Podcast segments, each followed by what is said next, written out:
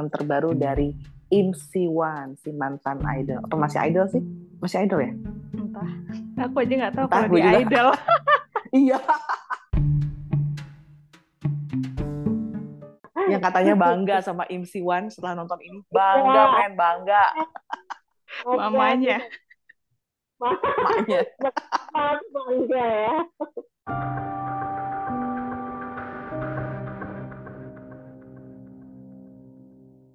Cuma yang paling epic sih yang dia nembak ya. Orang biasa tuh pasti nggak tahu kalau pistol tuh harus dibuka dulu pengamannya.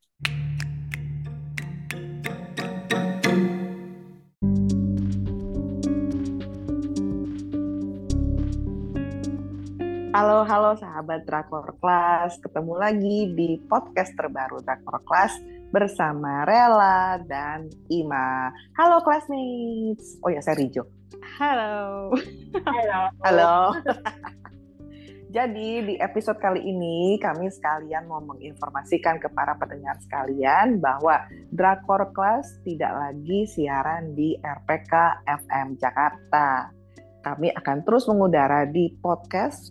Nantikan terus episode terbarunya. Follow di Spotify. Jangan lupa uh, kita akan membahas drama, film, dan variety show dan K-pop Korea dengan bahagia. Seperti hari ini kita mau bahas film nih yang udah jadi top one di Netflix Indonesia. Film terbaru dari Im Siwan, si mantan idol. Atau masih idol sih? Masih idol ya? Entah. Aku aja nggak tahu Entah, kalau dia juga. idol. Iya, gue juga gak tahu sampai pas nonton apa Rankon gitu ya. Oh idol ternyata. Yaitu film berjudul Unlocked. Aduh, ini agak-agak ngeri-ngeri sedep nih. Pas lihat trailernya soal HP dan hacking dan lain-lain. Mm. Ayo kita tanya ibu yang pertama kali nonton. Ibu Rela di Ibu ujung Rela. sana. yang katanya bangga sama Im Siwan setelah nonton ini. Bangga, Iya. men, bangga. Mamanya. Sangat bangga ya. ya. Gimana coba ya, deskripsikan soalnya- bangganya? eh, soalnya dia tuh ini ya nggak takut jelek sih menurutku setiap aktingnya tuh Hmm. nggak nggak pernah sosok ganteng gitu bahkan dia di eh, di Ranton yang jadi lead aja dia tetap tulung ya istilahnya ini nggak Tetap apa? kan tulung Tetap culun. Culun. Oh, culun gitu di situ. Lupa ya. Gue drop selampat kayak. Nggak tahan Tulung oni. Maya iya jadi maksudnya dia bukan yang suka kelihatan lead yang tebar pesona lah terus Hmm. em, eh, apa namanya yang romance romance buaya gitu. Enggak tapi dia emang Hmm. mungkin karakternya juga ya karena mukanya juga nggak nggak nggak cocok kalau terlalu apa terlalu banyak merayu atau apa gitu. Jadi itu dia sekarang udah berapa kali ya jadi psikopat?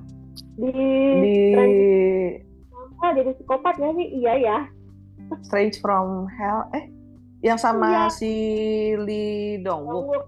iya Lee Dong Wooknya psikopat. Ya enggak, dia anak kos di situ. ujungnya kan dia juga Masa sih? iya kan gimana Kok aku ingatnya enggak? Aku nggak Lu nonton. nonton? Nggak, nggak, nggak nonton. Gak usah sih. Mengerikan itu. Ngeri, serius. juga dia itu ternyata Wah. jadi Aku lupa ya. Bertiga ini ya yang jadi psikopat dia.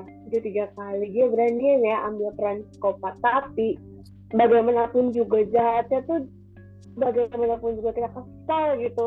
Nggak bisa benci. Karena mukanya polos mukanya nggak Angelic udah face nggak- dia. Ya nggak udah sih? Iya, benar. kamu sih penjahat yang mukanya menyebalkan mukanya jelek gitu mukanya kriminal. Mukanya kan tetap senyum Pokoknya biasa senyum. aja gitu ya. Nggak yang Face. nggak keji. Gitu ya. Bukan Ah. orang keji. bukan bukan orang keji bukan Mm-mm. emang jadi jadi aku eh, cukup bangga lah dia dia nggak nggak selalu pengen jadi lead yang ganteng yang mempesona gitu tapi dia berani ambil aktor akting kayak gini yang mungkin ya mungkin bakal dihindari sama aktor-aktor ganteng yang biasa jadi lead male sejuta umat gitu. Siapa? Ah, abang mungkin ya kayak- abang itu, babang itu. L. Pip pip. Betul selalu jadi orang kaya. Kaya dan harus ganteng gitu ya. Ya gitu sih, itu aja ya. Apalagi ya, hmm, sayangnya, udah sayangnya aja sih. Sayangnya kadang yang ceweknya memang nggak selalu cocok. Bukan selalu cocok sih sebenarnya. Cocok buat aku ya, maksudnya. Nggak, penting loh mungkin dia sendiri juga nggak pilih-pilih ceweknya siapa gitu ya. Jadi ya, dia berani lah untuk eh, apa ya memilih sesuatu yang nggak populer gitu. Gitu. baiklah kita bangga pada Im Siwan Yeay. Ibu Ima kenapa nonton Ya karena Im Siwan juga sih. itu aku, aku tuh lupa suka dia tuh di mana ya gitu. Cuman Ayo kemarin nanya, istilahnya ganteng nggak di situ? iya, heeh. kan yang di Ganteng. Soundtrack itu dia gondrong ya. Jadi aku kurang tertarik nonton gitu. Kayaknya nonton tuh Sama Strike. doang. Ya kan dia kan yang oh main yang baru eh, Mm-mm. review apa yang gondrong ya Iya. keriting gitu lagi Iya. Tuh. Karena aku nggak suka ya cowok-cowok gondrong. Terus akhirnya skip. Terus di sini karena film juga dan lagi nggak ada tontonan, akhirnya oke aku akan menontonnya gitu. Terus ceritanya juga ini kan ya tentang hacker gitu kan. Terus kayaknya Mm-mm. eh ya relate banget lah kita sehari-hari pegang handphone ke mana-mana 24 jam bersama ponsel gitu kan tanpa tahu apa yang terjadi di dalam sana sih Tuh. Apa apa yang terjadi? apa yang terjadi Tapi aku sebelum nonton itu, eh Ima kan pernah ngomong di grup kan, ih temanku yang pernah dihack nggak mau nonton karena trauma. Gue juga jadi takut loh nontonnya. Maksudnya separah apa sih emang tentang apa gitu ya? Se apa ya? Kalau kita dengar orang hacking Instagram gitu kan udah banyak ya. Instagram gue dihack atau Facebook gue. Nah, ini dibikin jadi satu film, Im Siwan yang mukanya polos lagi penjahatnya. Kira-kira kayak gimana? nontonnya jam 11 malam sampai jam 1 pagi nyesel gue takut toh Ya nggak ada hantu-hantunya ya. nggak ada. Tapi takut loh. Entah ya. Kenapa ya takut ya? jadi ini malah jadi bikin trust issue sama tukang servis handphone. Ah, of course itu kalau bisa sih jangan jangan ke tempat servis. Karena oh, tak oh beli baru. Eh, kalau mampu. Temanku tuh Ini kan- ada Ah, ah, gimana? Temanku ada ada action dia nggak mau pasang mobile banking sama sekali. Hmm. nggak mau jadi jadi? eh, eh, bela-belain repot aja ke ATM manual gitu nggak mau dia nggak mau. Ah, itu mau yang bayar kena hack itu? nggak nggak. Nggak mau bayar. Dia ini eh, ceritanya mencegah gitu ya. Mm. nggak mau bikin mobile banking nggak. Jadi otomatis kan nggak nggak bayar pakai QRIS ya nggak pernah bayar bayar pakai QRIS nggak pernah bayar transfer via mobile banking. Sama sekali dia ya mungkin kalau beli pulsa ini ya. Manual. Masih ke Masih ketegan. Ah, sih ah. ke toko gitu. Pokoknya dia iya jadi kalau transaksi bayar apa apa dia bilang bentar ya gue ke ATM dulu. Baru sore gitu. Kayak gitu aja tuh. Eh pas hujan gak bisa ke ATM gitu ya Allah ribet banget men. Ah, zaman sekarang gitu. Kayak bayar SPP pertanyaan gua. Pertanyaan gua punya aplikasi di marketplace nggak? Pasti nggak deh. Punya Topet, Shopee dan lain-lain. Ingat gue ada Shopee. Tapi bayarnya nggak apa ATM nah bayarnya ya transfer manual kan bisa. oh ya ampun repot iya aduh Kalau saya ada nggak mau. Kalau sekarang bayar SPP di sekolah kan, saya kan transfer atau aplikasi Transfer. itu ya.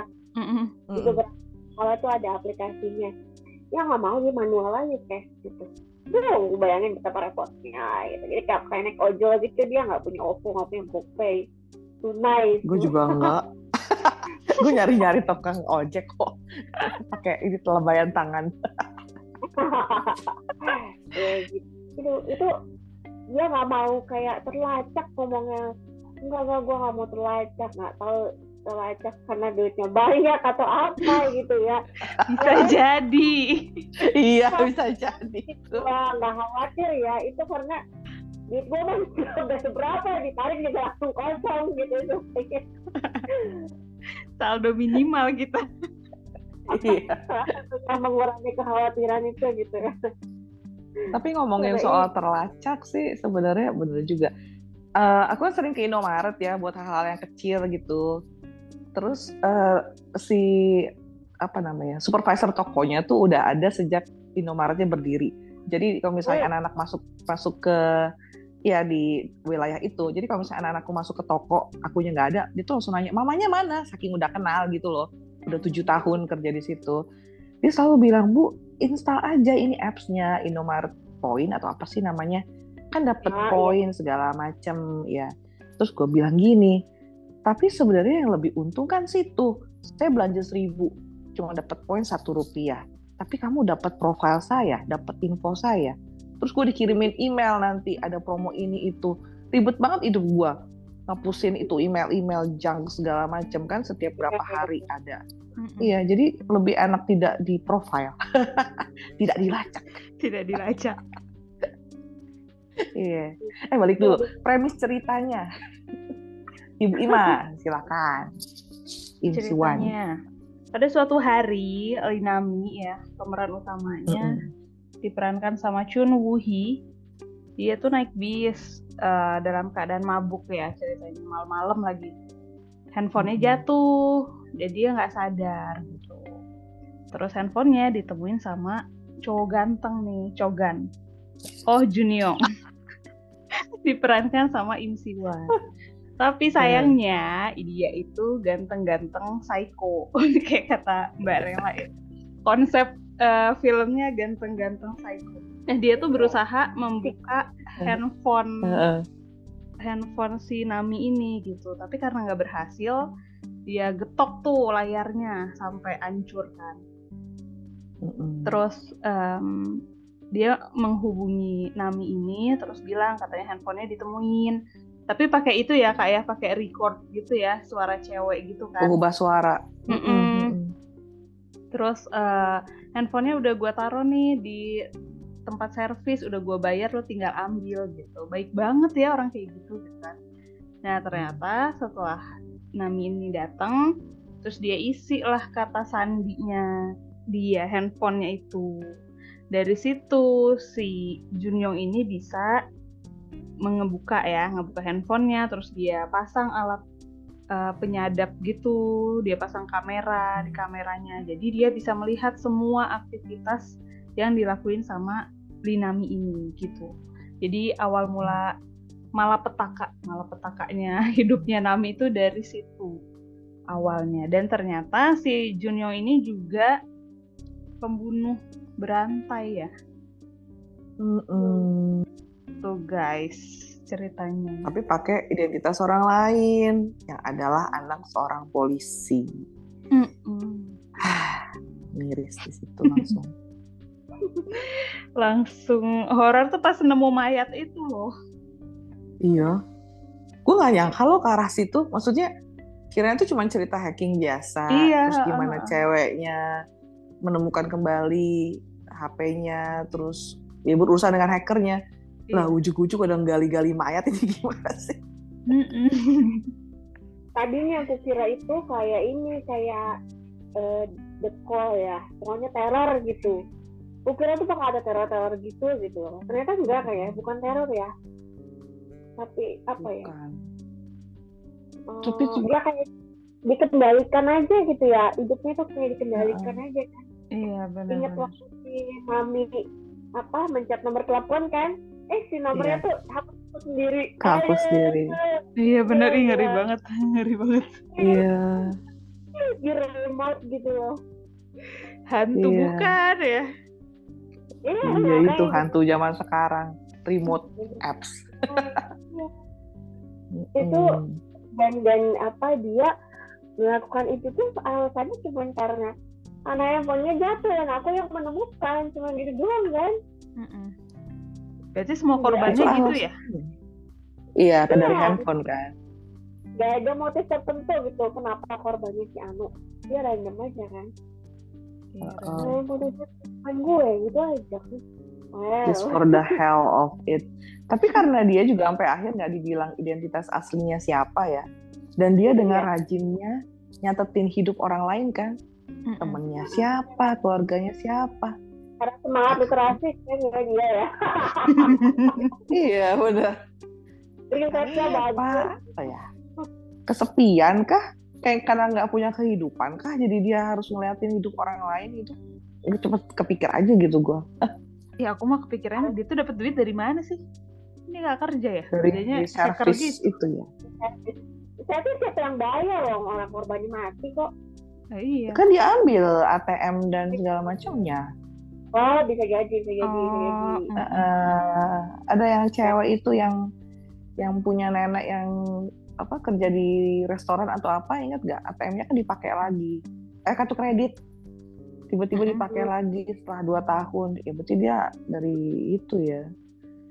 Cuman Oh. waktu ngegali-gali di gunung itu ya kan gue baru nonton lagi Through the Darkness kan si Kim Namgil itu ada adegan dia berdiri di bukit terus itu bukit kan baru digali karena mayat banyak banget di situ settingnya tuh aura menakutkan itu sama gitu gimana kok bisa ada orang segila ini ngebunuhin gitu loh Mm-mm. kayak manusia nggak sih ini kayak gitu itu bagus sih setting itu Iya benar. Dan dia nanam pohon lagi ya, rajin banget coy. Oh iya. Tadinya aku ini loh sempat sempat agak bingung begitu si polisi nodong tuh yang pasti jalan pas dia Ah. pakai baju kuning. Iya. Kan dia bilang oh kamu berbalik. Eh kok dilepas gitu kan? Oh aku Ah. baru sadar sih kalau ternyata dia itu bukan anaknya. iya. Ini aku pikir Betul. gitu polisi. Apa op- operasi wajah atau dia nggak bisa Iya. kenalin iya. Ternyata ternyata kuncinya ada di koper dan gue kira koper itu isinya mayat. Ternyata ya skeleton kita sih. Iya nggak Iya, sih? Data pribadi kita semua itu. Bener. Barang bukti. agak-agak plot twist banget ya. ke koper itu. Aku udah Heeh. aduh udah kali udah patah sih takut iya iya iya gue ambil selimut itu. Lihat takut ada mayat ternyata sebenarnya clean sih ya maksudnya nggak dilihatin nggak sih dia eh, ngebunuh ininya Mm-mm. kalau dibilang berdarah-darah ya enggak lah nggak sama sekali Enggak. gitu clean banget tapi ini semuanya ditenggelapin di air ya ada Iya, foto di benar-benar. air gitu kan Ada yang ditenggelamin ya. Heeh. tapi aduh bener. punya trauma ya aduh Netflix ini memang nih membuka ke season 2 Eh tapi itu kejadiannya tuh beruntun atau dalam berapa tahun gitu sih? Aku nggak ngeh deh. menurutku dalam berapa tahun Sih berapa tahun nggak ketemu gitu loh orangnya. Nah, Karena di sana- ngegerebek Ah. apa se- separasi itu kan si Ah. teman polisinya tuh bilang cuman aja loh eh, pelanggan dia selama dua tahun itu. Iya orang iya. berapa gitu dia bilang. Iya cuma dikit. Bukan cuma korban pertamanya kan si anak polisi Anaknya. tujuh tahun yang lalu. Eh, tujuh tahun sebelumnya udah kabur dari rumah. Nah dia. Dan dia habis ngebunuh apa namanya ngambil identitasnya jadi pura-pura sebagai anaknya chattingan sama mamanya kan dikirimin barang ini itu bisa gitu dia meniru. Iya. karena kita nggak pernah video call atau apa kali. Jadi dikiranya teksnya masih dari anaknya gitu. Dalam tujuh tahun berapa orang? Sebelas apa? Aduh nggak tahu deh. Serem Sembilan apa sebelas? termasuk teman kantornya itu nggak sih? Teman kantornya si cewek? Yang namanya dicoret-coretin itu loh.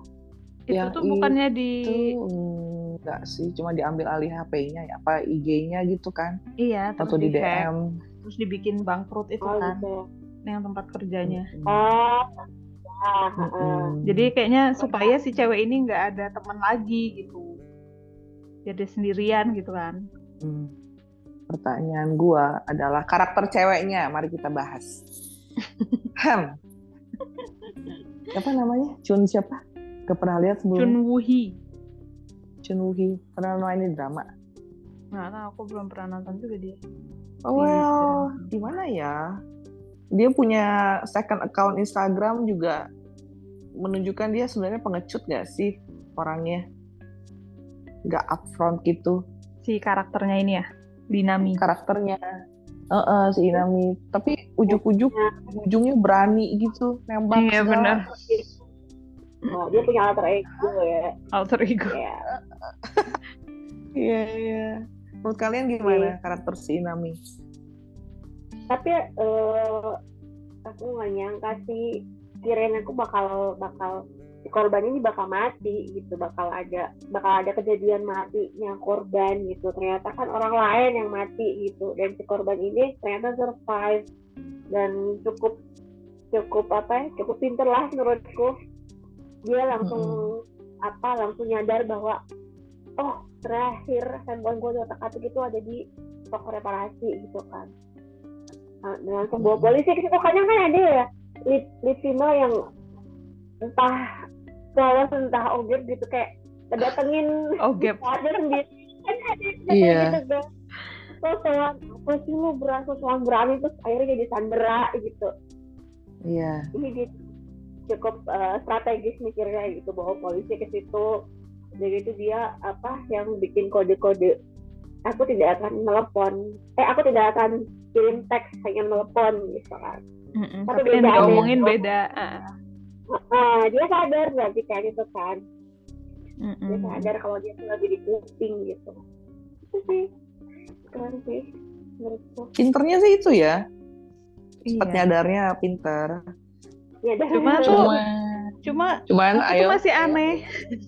yang mana aku yang mana aneh karena dia tuh kayak lebih percaya orang lain gitu loh kan bapaknya udah bilang ya itu tuh orang mencurigakan dia tuh bukan bukan pelanggan toko kita gitu kan ya yang pas apa Mm. dia bilang Ya.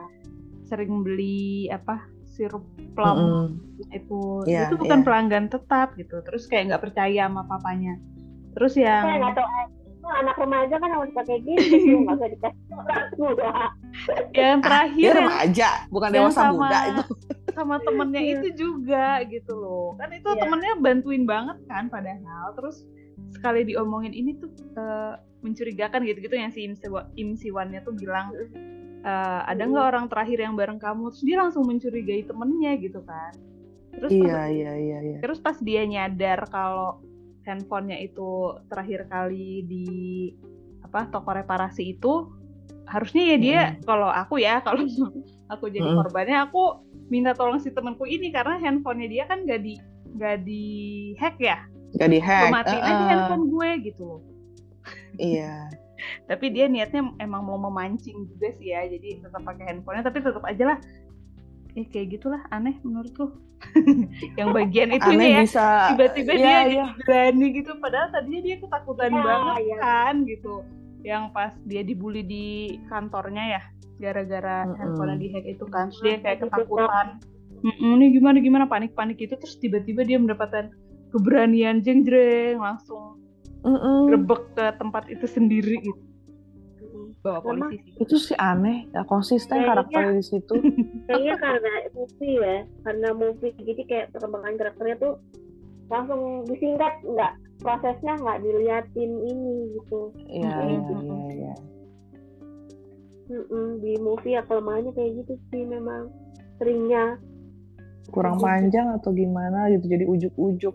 Cuma yang paling epic sih yang dia nembak ya orang biasa tuh pasti nggak tahu pistol terus dibuka dulu pengamannya. Makanya Ya, jadi iya. kayak kita kan jadi mikir dia punya pengalaman nembak kah? Atau gimana kok? Kok dia bisa tahu cara nembak gitu kan? Kenapa nggak pakai pisau gitu kan? Kan dia punya pisau ya. Oh iya. Kenapa dia di tangan. oh ya nggak dia ngambil pistol oh, oh. Nah, ya kita Oke. sepakat soal itu. emosi jiwa dia kayaknya. Pistol. iya yang masih jiwa kayak lihat bokapnya iya aku kira juga bokapnya bakal mati ternyata Iya. enggak. Aduh syukurlah enggak tapi itu jahat Iya. banget sih jahat banget Iya, itu jahat. yang dia masukin badannya Nami buat timpa bapaknya sendiri ya ampun Mm-mm. Iya. Mm-mm. mengerikan Apa itu namanya? Im Siwon gimana sih acting begitu dia terganggu gak sih jiwanya Gua iya benar soalnya mukanya juga bengis Mm-mm. Hmm. Tapi psikopat tuh Oke. gitu kali ya, dia udah ditonjok-tonjokin gitu, lempeng aja Iya. gitu mukanya. Nggak kan nggak gitu. punya nggak apa, takut rasa mati, bersalah nggak takut. Iya. Rasa bersalah. serem. ada ketimpangan apa apa apa sih namanya penilaian atau apa sih dia nggak bisa Hmm. assessing emotionally gitu loh jadi dia nggak tahu rasa bersalah nggak tahu rasa malu gitu-gitu Hmm. fokusnya pada diri sendiri makanya narsistik juga kan Hmm. biasanya katanya Hmm.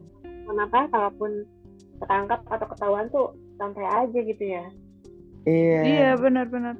Yang pas ketahuan polisi itu juga kan dia polos aja. iya Dan mukanya tuh pas gitu ya. iya Nah, itu? Benar. bagusnya tuh nggak kebayang opa lain yang akan kayak gitu mukanya sepolos itu ya nggak sih Mm-mm. untuk di Iya. film ini kayaknya paling pas dia deh si Imi Siwan baiklah sebelum kita tutup Ibu Ima Ibu Rela pesan moral pelajaran yang bisa diambil dari film ini silahkan Aku dulu aja ya. Em, ya Pertama, dengerin kata orang tua. Yang betul kedua, hati sama orang asing. Yang ketiga, nggak usah naruh semuanya di handphone. Nggak usah expose semuanya di handphone gitu. Itu ya, itu aja paling mengalakan. Yes, Bu Ima. Ipa? Ima. Aku aku tetap jadi takut ya buat naruh handphone di tempat servis terus benerinnya gimana gitu. Kalau udah pengalaman udah pernah aku udah pernah aku pernah servis handphone yang dulu tapi ya Oke. handphone dulu rusak. Tapi sekarang Ah, udah rusak lagi sih, udah mati lagi. Heeh. Terus akhirnya beli baru. Cuma ya gara-gara ini kan tapi nggak tahu ya servis handphone tuh suka nanya-nanya password gitu nggak sih? Enggak kayak terakhir aku servis Enggak. enggak ya. Dia kayak cuma kan dibedain hardware sama softwarenya. Dia Iya. ngebongkarnya ke hardwarenya atau enggak? Paling banter sih aku soalnya ganti eh, CD doang nggak nggak sampai. Tapi nggak nggak tahu ya di, di diselipin apa gitu enggak ya Kan kita nggak diselipin tahu. apanya itu yang kita nggak tahu kan harus spyware-nya si Siwan waspada ya. Soalnya ya kan kita nggak tahu kak orang jahat yang mana, yang baik yang mana. Sekarang kan ya, jadi trust Iya. issue banget nih aku. Iya. Iya. ya berhati-hatilah. Jangan sampai hilang Ya, aja. jangan sampai hilang, jangan sampai rusak. Harus handphonenya. password ganti password lah gitu aja kali Iya. di password Iya. Mm-mm. jadi tapi kelihatan nggak ya kan kelihatan kan udah ada di kendali dia ya kalau kita ganti password kalau dia udah tanemin spyware itu pas kita ganti password dia bisa lihat Aduh, kan ngeri kan? udah Ngeri banget. Lem biru, Iya. ya benar paling bener. kalau dari gua adalah jangan mabuk lah. Itu sih. Ya nggak sih? Penyebab lebih banyak utama. mudaratnya daripada manfaatnya. Ya nggak sih? Coba dia nggak minum berlebihan. Coba nggak mabuk. Coba nggak ketiduran di bis. Coba nggak hilang kan dari situ doang. Iya, masalahnya. Intinya. aku udah tahu kamu akan ketemu siapa. Iya. Banyak kejadian lah kalau udah orang nggak sadar. Di semua drama itu ada. Ya, Through the Darkness pas mabok eh, ininya name tag polisinya diambil terus fotonya diganti sama penjahat penjahatnya ngaku-ngaku polisi malah ngebunuhin orang Aduh. gara-gara Oh. mabok jadi pesan moral buat aku adalah jangan mabok. Jangan mabok, HP jangan rusak, jangan hilang. jangan Jadi kita sama jangan taruh semua di HP iya, jangan taruh semua di handphone. Oke kesimpulannya recommended atau enggak nih film yang tayang di Netflix ini? Recommended. Seperti kata Mbak Rela, bangga pada IMSI, Bang. Yeay! aduh aku dikepang ya Hmm, kayaknya ya ya Netflix lah selalu gitu kan open ending. Itu ada eh, apa namanya ada stalker kedua atau gimana sih? Itu kita nggak tahu ya. Ada potensi ya ada potensi buat itu Berpotensi. Karena nggak dijelasin ya karakter utamanya justru latar gimana-gimana. belakang Heeh, singkat aja gitu tentang dia.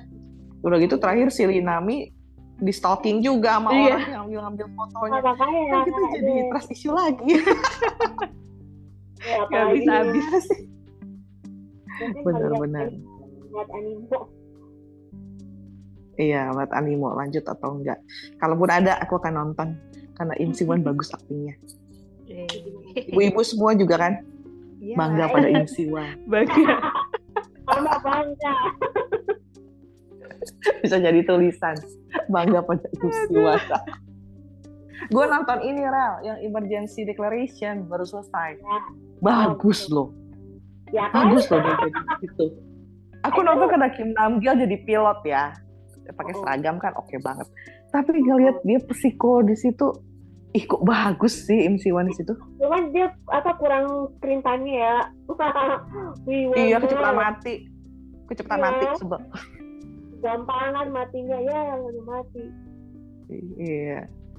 Oke, Samuel. benar-benar. Oke, sekian pembahasan kami tentang film Unlock bisa ditonton di Netflix. Uh, durasinya dua jam ya kalau nggak salah ya. Mm-mm. Dua jam, oke banget kok. Ya, tunggu episode berikutnya podcast di Drakor Class. Jangan lupa follow, like, main ke Instagram kami @drakorclass. Makasih Rela, makasih Ima. Kasih, Sampai ketemu Rijal. episode berikutnya. Dah. Annyeong. Annyeong.